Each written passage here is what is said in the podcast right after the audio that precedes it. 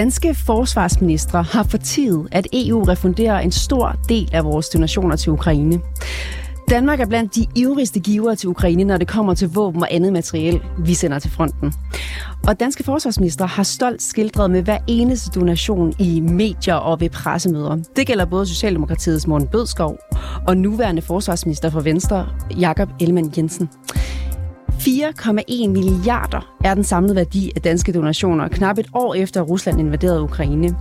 Men en stor del af det beløb har Danmark søgt om at få refunderet af EU. Det skriver politikken i dag. Den information kom bare ikke lige med i alle interviews og pressemeddelelser. Rapporterne kigger i dag nærmere på de danske donationer til Ukraine og den hemmelige refusionsordning. Mit navn er Ida Gavnø. Velkommen til.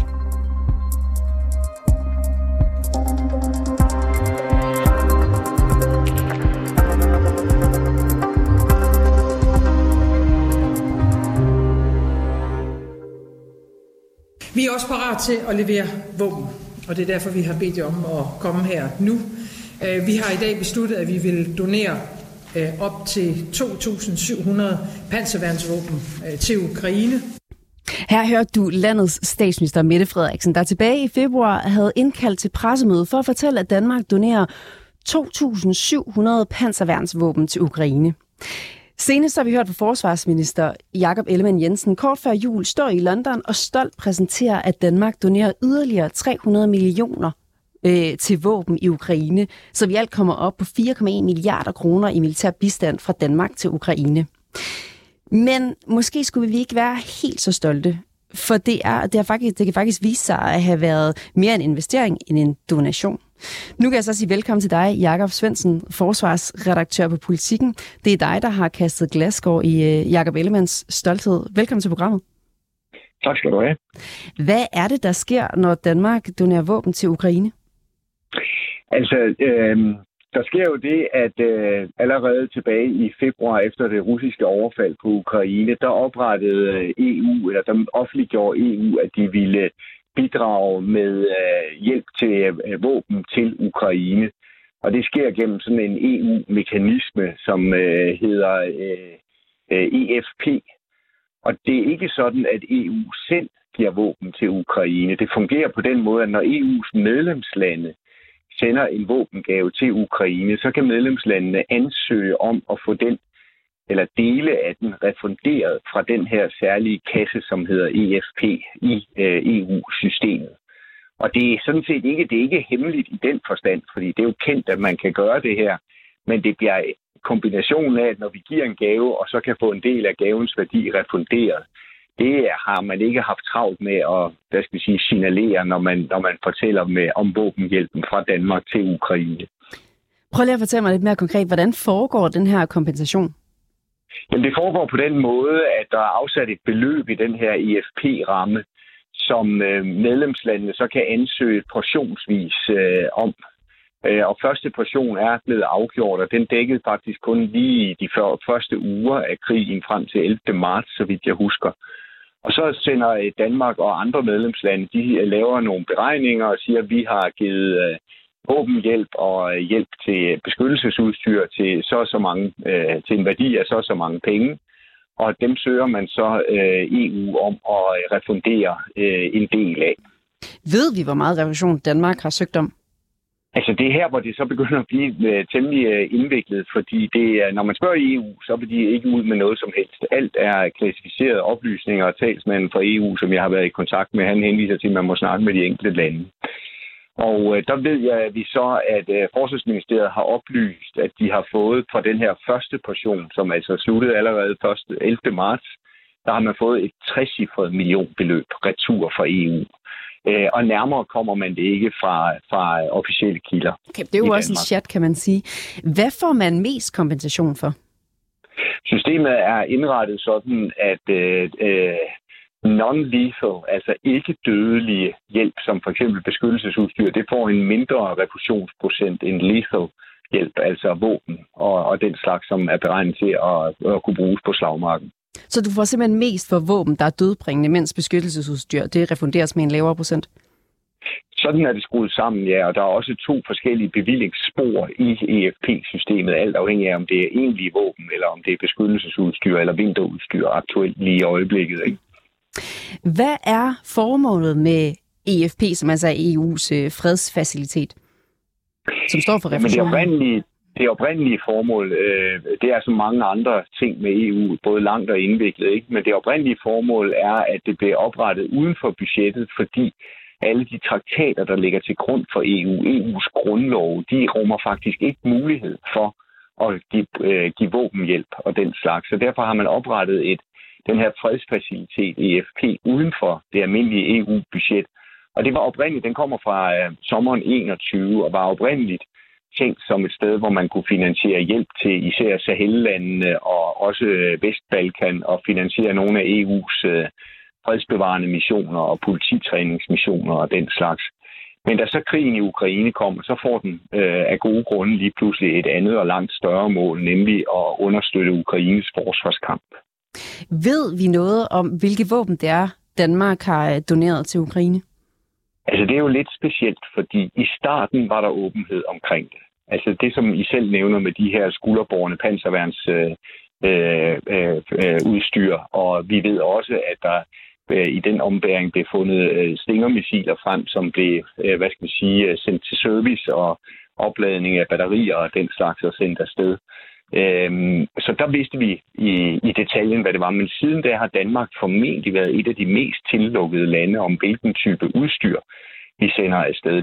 Det er simpelthen klassificeret som øh, hemmeligt øh, af hensyn til nationens sikkerhed, i modsætning til for eksempel amerikanerne, der ligger åbne lister frem øh, med, hvad det er for noget, de sender, endda øh, også hvor meget de sender. Hvorfor tror også, du, det har ændret sig hos, øh, hos os i Danmark?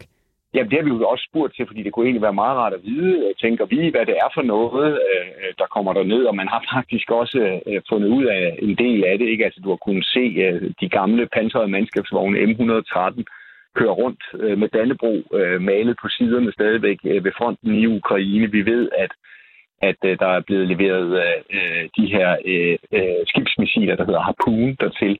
Det ved de simpelthen, fordi at den amerikanske forsvarsminister kom til i al offentlighed at takke Danmark for den her øh, donation, for den kom efter, at man havde lukket øh, øh, skuffen til i Danmark og ikke længere ville oplyse, hvilke våbentyper, der kom derned. Så vi ved noget, men ikke alt. Og der, der skiller Danmark sig fra øh, de fleste andre giverlande, og forklaringen er, at man ikke ønsker at, øh, at fortælle nogen om det. Det kan være, fordi man helst ikke vil have, at nogen kan regne ud, hvor meget vi så har tilbage. Det kan også være, at man har tænkt, at Rusland ville føle sig provokeret. Der kan man også sige, at de bliver mindst lige så provokeret over de lande, der flager det helt åbent. Mm. Men øh, det har ikke rigtig været muligt at få sådan en fuldstændig, øh, øh hvad skal vi sige, færdig arbejdet argumentation fra Forsvarsministeriet for det her. Det er hensyn til landets sikkerhed. De våben, vi så ved er blevet doneret, er det nogle våben, der er stået bagerst i det danske våbenlager? Altså, det er lidt indviklet at, at, at, at gøre klart. De har jo ikke, det er jo ikke dem, som vi skal bruge i morgen, øh, kan man sige. Ikke? Og det er ikke, hvis det bliver nødvendigt. Ikke? Og det er heller ikke det udstyr, som skal, for eksempel med de danske soldater, der er udstationeret i Letland og Estland. Det er klart. Det meste af udstyret er noget, der har været på vej ud, men så skulle erstattes af andre typer udstyr, der kan det sammen.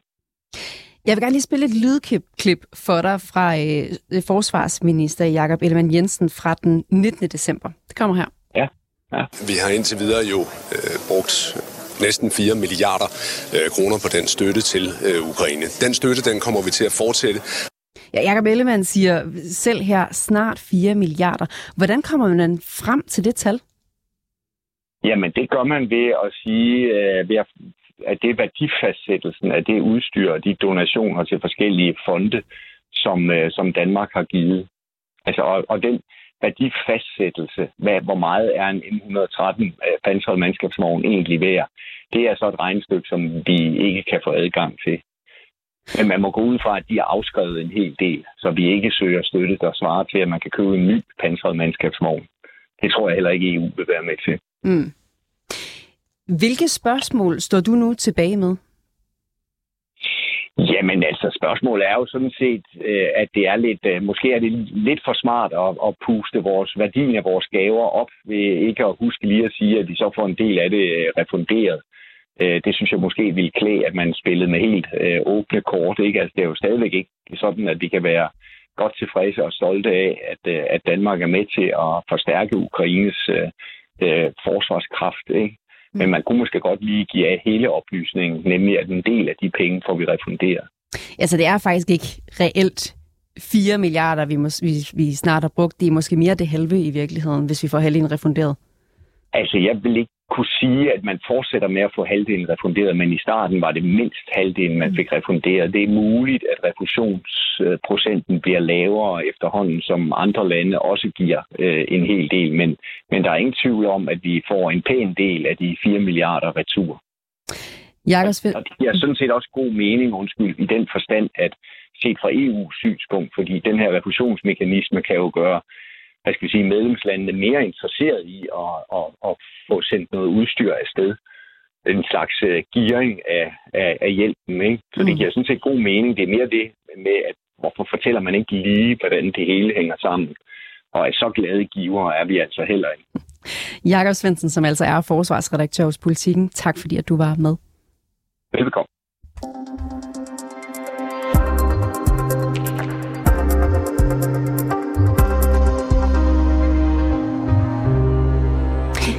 Peter Viggo Jacobsen, velkommen til. Tak skal du have. Du er lektor i krigsstudier ved Forsvarsakademiet. Har Danmark pyntet sig med lånte fjer, når Morten Bødskov og nu også Jakob Ellemann Jensen har pralet om, at de danske donationer til Ukraine, altså de har pralet omkring de her, men de har altså ikke lige nævnt, at EU refunderer en stor del af donationerne? Jamen det kunne det i udgangspunktet godt øh, tyde på, at vi har. Men det kommer jo så lidt an på, hvad der sker med de penge, vi får refunderet. Fordi hvis de bliver, bliver givet til mere våbenhjælp til Ukraine, ja, så, så, så er det jo sådan set reelt nok. Altså, så det afhænger meget af, hvad der sker med de penge, der er kommet retur. Hvis de ryger til Ukraine igen, fordi Danmark bliver jo ved med at give nye donationer til Ukraine, og der er jo ikke nogen, der forestiller sig, at den her krig stopper lige med det samme. Øh, så øh, hvis vi giver de penge, som vi har fået tilbage fra EU, til Ukraine igen øh, fremover, ja, så har vi jo ikke, har sagt, snydt på vægten. Men det er det jo lidt for tidligt at sige noget om. Mm.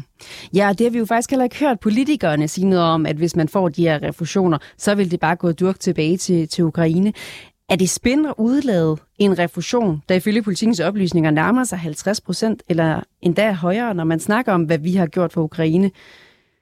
Altså, det for, bare lige for, for hele skyld, så skal det måske lige ved, at det er jo ikke alle vores våbendonationer, der er gået igennem EU. Danmark har også sammen med, hvad det hedder, Storbritannien, lavet sådan en fond, øh, der også har til formål, som, som flere lande bidrager til, der kører udenom EU-systemet, som også har det formål at give mm. penge til Ukraine. Så noget har vi altså givet direkte, og der er der ikke den her refusionsmekanisme i spil. Mm. Men, men det er rigtigt, det drejer sig jo ifølge det, som øh, Jakob har gravet frem om et, et 60 millionbeløb.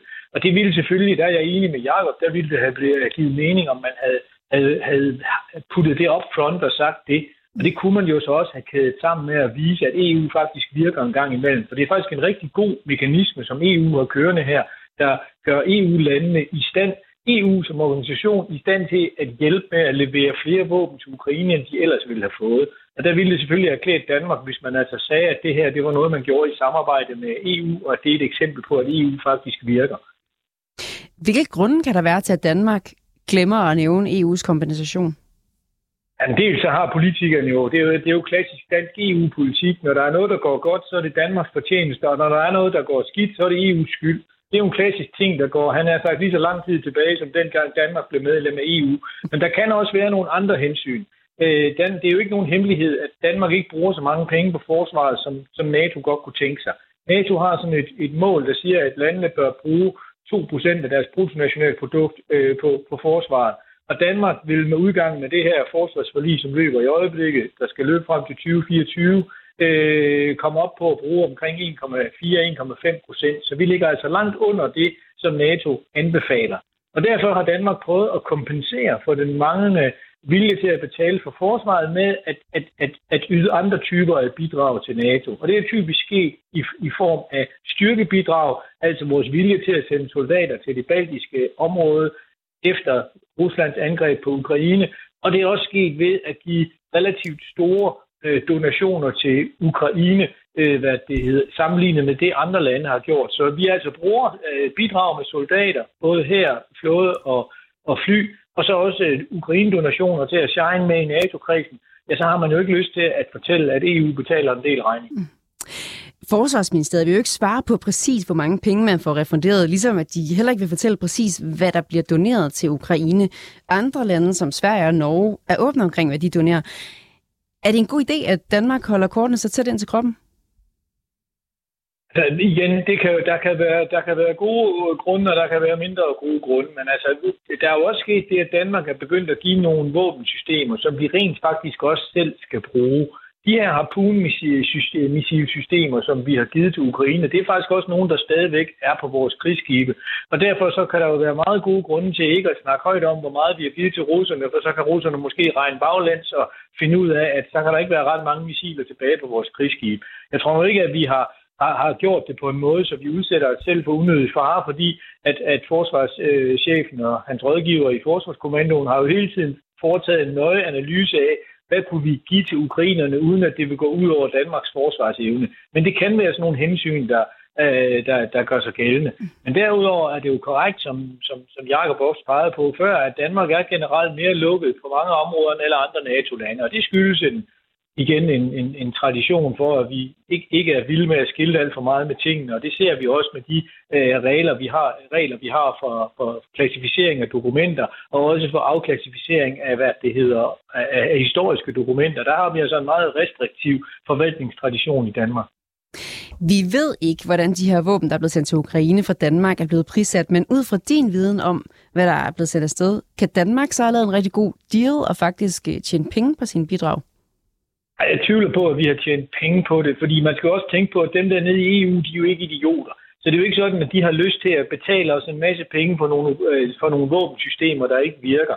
Så, så, så, så de der, øh, hvad det hedder, satser, der er sat, sat for refunderinger, de er jo lavet ned i EU med, af nogle EU-byråkrater, som ikke har lyst til at blive snydt. Så jeg tror ikke, vi på den måde har tjent rigtig godt øh, på det.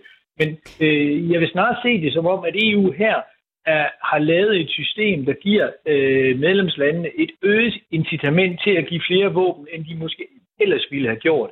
Men det er også vigtigt at forstå, at når EU har lavet den her manøvre, så er det jo fordi, at der er noget EU-lovgivning, der siger, at EU ikke selv må være det hedder, give våben direkte.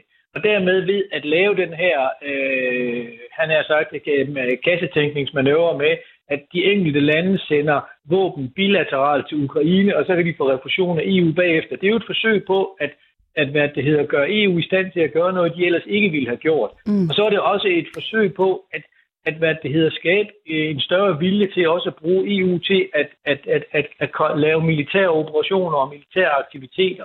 Der har det hidtil været sådan, at hvis man lavede noget i EU-regi, for eksempel sendte soldater et eller andet sted hen på en EU-mission, så skulle det land, der, valg, der sagde ja til at bidrage med soldater, selv betale for det hele, mens at de andre EU-lande, der synes det var en god idé, at soldaterne blev udsendt, men ikke selv gad tage nogen, ja, de fik det hele gratis. Så det er også et forsøg på at undgå, at, at, eller, eller forsøg på at skabe en mekanisme, hvor alle lande medvirker til at finansiere noget, som de alle sammen synes er en god idé. Så på den her måde synes jeg faktisk, det er en fin mekanisme, at, som EU men, har lavet. Peter Viggo Jacobsen, jeg, må alligevel, jeg må alligevel lige spørge dig. Det hedder DK ikke lige uh, mm. fortæller, at de har, EU har været ind over. Vil man rent hypotetisk kunne misbruge det her? Altså kunne vi i virkeligheden sende udstyr sted til Ukraine, som vi alligevel skulle af med, og så tjene kassen på EU-refusioner, som vi kan bruge til at opgradere vores eget udstyr? Altså det er klart, at vi kunne, jeg ved ikke, om vi kunne tjene kassen på det, men her, det her kan man jo sige, at man, man, med det her system kan man jo godt komme i en situation, hvor nogle lande kan øh, slå to fluer med et smæk. Man kan videresende noget materiel, som stadigvæk er brugbart, og som ukrainerne kan bruge i en akut forsvarskamp, øh, og som ikke kræver stor og hvad det hedder, træning af deres styrker. Og samtidig får landet, der bidrager så øh, et bidrag fra EU til at hvad det hedder, altså erstatte det udstyr, man har udsendt med noget nyt. Og det er der jo også behov for, fordi alle de europæiske lande står i en situation, hvor de skal opruste som følge af den voksende trussel for, for Rusland. Så på den måde så bidrager vi både til Ukraine akut, men vi bidrager også til at øge EU's og NATO-landenes samlede militære formål. Peter Viggo Jacobsen, som altså er lektor i krigsstudier ved Forsvarsakademiet. Tusind tak, fordi du kunne være med i dag. Selv tak. Vi har forsøgt at få Forsvarsministeriet til at svare på, hvad pengene skal bruges til, hvordan våben er blevet prissat, og om ministeriet kunne have været tydeligere og fortalt, at man fik halvdelen kompenseret, eller i hvert fald i nogle tilfælde kunne få halvdelen kompenseret, når man donerer våben. Det har øh, Forsvarsministeriet ikke svaret på. Til gengæld så skriver ministeriet et, i et skriftligt svar til os, at det er positivt, at EU støtter militære donationer til Ukraine, og at Danmark har formået at få dele af donationerne refunderet, således at de kan bruges til eksempelvis yderligere donationer til Ukraine eller styrkelse af forsvaret. Hverken Venstre eller Socialdemokratiet har ønsket at medvirke.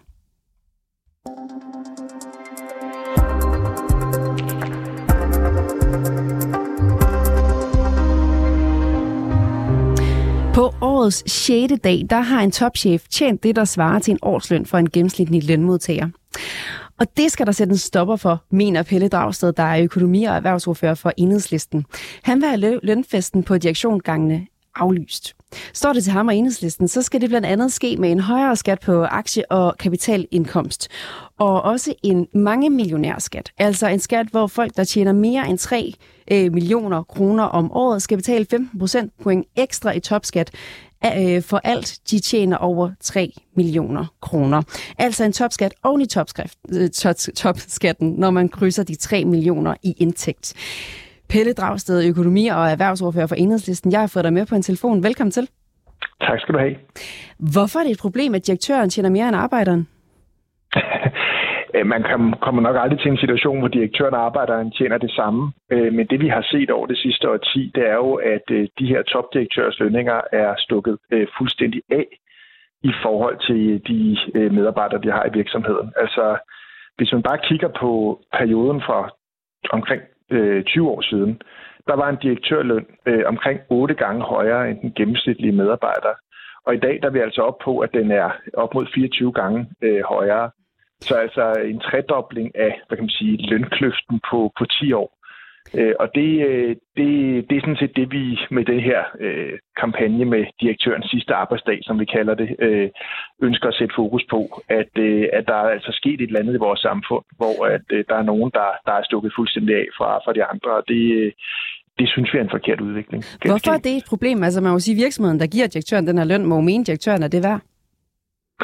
Ja, altså det er et problem. Altså jeg tror, at det, det, er, jo, det er jo et holdningsmæssigt spørgsmål. Altså ja, for mig er det jo en vigtig sådan, værdi i, i Danmark, og en del af vores historie, at forskellene på, på mennesker af vores indkomster ikke øh, bliver ekstreme.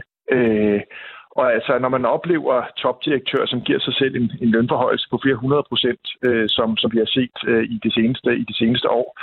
Altså hvis vi tager et eksempel som øh, Danfox-direktøren, øh, som har sat en lønrekord på 66 millioner kroner, jamen, øh, om året, jamen, så, så bliver det ekstremt, og det, øh, det er der ikke øh, rigtig noget, der kan retfærdiggøre. Der er ikke rigtig nogen logisk forklaring på, at øh, direktørerne pludselig skulle være så meget mere mere værd, om man så må sige, lønmodtagerne, end de var for 10 år siden. Der, der er heller ikke noget, der tyder på, at der er en sammenhæng mellem høje lønninger og resultater i den forskning, der ligger. Altså, at at de direktører, der er særlig højt lønnet, også skulle være dem, der skabte de bedste resultater. Så det er sådan en, det er jo en del af en, af en kan man sige, international trend, at vi ser ligesom, at, at højtlønnede, at meget, meget højtlønnede mennesker øh, mm. stikker af fra, fra andre. Og, altså, og situationen er jo den, at altså, på en arbejdsplads, øh, på en virksomhed, så er alle jo med til at skabe de værdier, som, øh, som, som skaber det overskud, som lønnen bliver betalt af. Mm. Og, når flere Men... penge går til direktionen, jamen, så er der jo færre penge til de andre lønmodtagere. Vi har talt med Bent Greve, der er professor ved Institut for Samfundsvidenskab og Erhverv på Roskilde Universitet. Og han er principielt enig i, at enhedslistens forslag ville kunne mindske den økonomiske ulighed. Men han peger alligevel på et par konsekvenser, og jeg synes lige, du skal høre, hvad han siger her. Og det han, det, han snakker om her, Bent Greve, det er i forhold til indførelsen af en ny millionærskat, at der her kan stå, opstå flere øh, konsekvenser. Nogle vil så sige, at det betyder så, at de rige, nogen vil arbejde mindre. Nogle må måske prøve at flytte til udlandet, hvor beskatningen øh, er lavere, end den er i Danmark. Øh, og der kan være nogle andre øh, kan man sige, muligheder for adfærdsændringer, der gør, at man ikke helt får det problem, og måske får nogle, nogle ting, vi ikke har lyst til at se. Nogle rige vil arbejde mindre, og andre vil flytte til udlandet, hvor beskatningen er lavere. Er det værd at løbe den økonomiske risiko for Danmark for at mindske uligheden?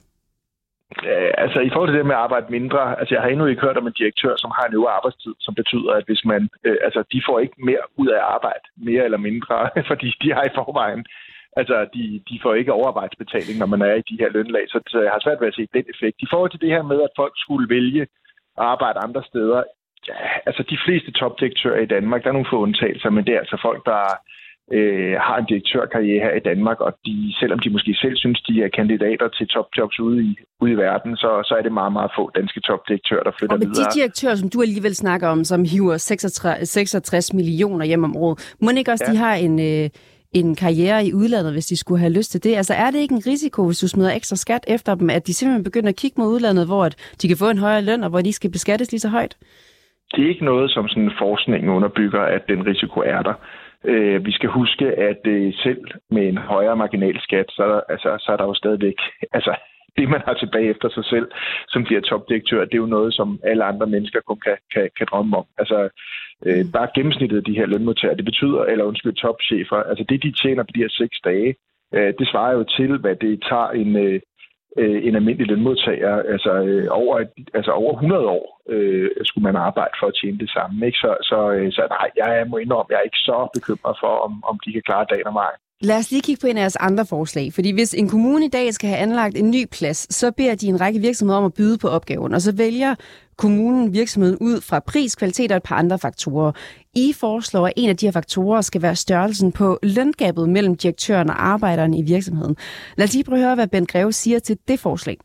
Det tror jeg til gengæld er en, en uheldig måde at gribe ind i løndannelsen på, øh, på det private arbejdsmarked. Uanset at, at direktører ikke omfatter overenskomstaftaler, så er det fordi, at det kan være det kan være en, altså i virkeligheden er det jo for det offentlige øh, se, det er mere interessant, hvad får man for pengene, end det er, øh, at man nødvendigvis lige præcis griber ind i lønnen af den højeste lønne og de andre i den pågældende virksomhed. Jeg er ikke uenig i, at der findes ikke nogen undersøgelser, der, der dokumenterer, en højere løn nødvendigvis giver en mere produktiv virksomhed. Det, det har man meget svært ved at se. Men at man skulle begynde at regulere ved det lovgivningsmæssigt, det synes jeg måske til gengæld er et, et, et ikke nødvendigvis hensigtsmæssigt instrument i forhold til den måde, vores markedsøkonomi rent faktisk fungerer på. Pelle Dragsted, er du parat til at lade det offentlige gå på kompromis med eksempelvis pris for at vælge en virksomhed med mindre løngab mellem, mellem direktør og medarbejder? Jamen altså, nu, nu siger Ben Greve, øh, at det her handler om, hvad vi bruger vores penge på, og det er jeg sådan set meget enig i. Og når vi ligesom øh, køber ind øh, i det offentlige, så er spørgsmålet jo, mener vi, at danske skatteydere skal være med til at betale en årsløn på for eksempel ja, øh, øh 66 millioner kroner øh, til, til en, øh, til en direktør. Altså det, det, er jo, det er jo et spørgsmål, man må stille sig selv, og derfor synes jeg godt, at, at man kan diskutere, om det her ikke skal være i betragtning i forbindelse med udbud, øh, i forhold til at få, få skabt nogle incitamenter i de her virksomheder til at ikke fortsætte den her vanvittige lønfest. Øh, jeg er åben for andre forslag til, hvordan man kan bremse det her. Der er den seneste sidste regering tog nogle initiativer i forhold til, hvad man kan trække fra som virksomhed øh, af de her lønninger. Det synes jeg også var et fornuftigt skridt, øh, men vi, skal, vi er nødt til at finde andre øh, skridt. Og vi ved for eksempel, hvis vi snakker om det andet forslag, altså med at hæve skatten, altså der er forskning klart, at øh, hvis der er en relativt høj skat på de meget, meget, meget høje indkomster, altså en marginalskat på dem, jamen så er det faktisk med til at dæmpe lønudviklingen, simpelthen fordi det bliver mindre attraktivt at, at, at, at få den her øh, ekstra lønstigning. Pelle Dragsted, du siger, at jeg forskningen med jer. I har siddet som støtteparti i fire år. Hvorfor I ikke lykkes med at indføre de her forslag allerede? Jamen, det er jo ganske enkelt, fordi vi øh, er, ikke har flertallet til at gennemføre det. Altså, desværre har der været en modvilje Øh, både fra Socialdemokratiet, men selvfølgelig også i meget høj grad fra de radikale, som jo er et borgerligt økonomisk, øh, altså økonomisk set borgerligt parti, eller et højreorienteret parti, øh, som, har, som har stillet sig af vejen for at gennemføre lovgivning, som kunne gøre noget ved den her ulighed, som vi har set vokse i de seneste årtier. Men som sagt, der er taget nogle skridt, som jeg synes er positive. Altså vi fik blandt andet indført nogle regler, som gør, at øh, at virksomhederne, som må sige, ikke kan trække deres lønudgifter fra over et vist niveau, og det synes jeg var, var et, et vigtigt, altså et, et lille, men, mm. men, men fint og symbolsk skridt i den rigtige retning. Pelle Dragsted, som altså er økonomi- og erhvervsordfører i Enhedslisten. Tak fordi, at du kunne være med. Selv tak. Hej hej.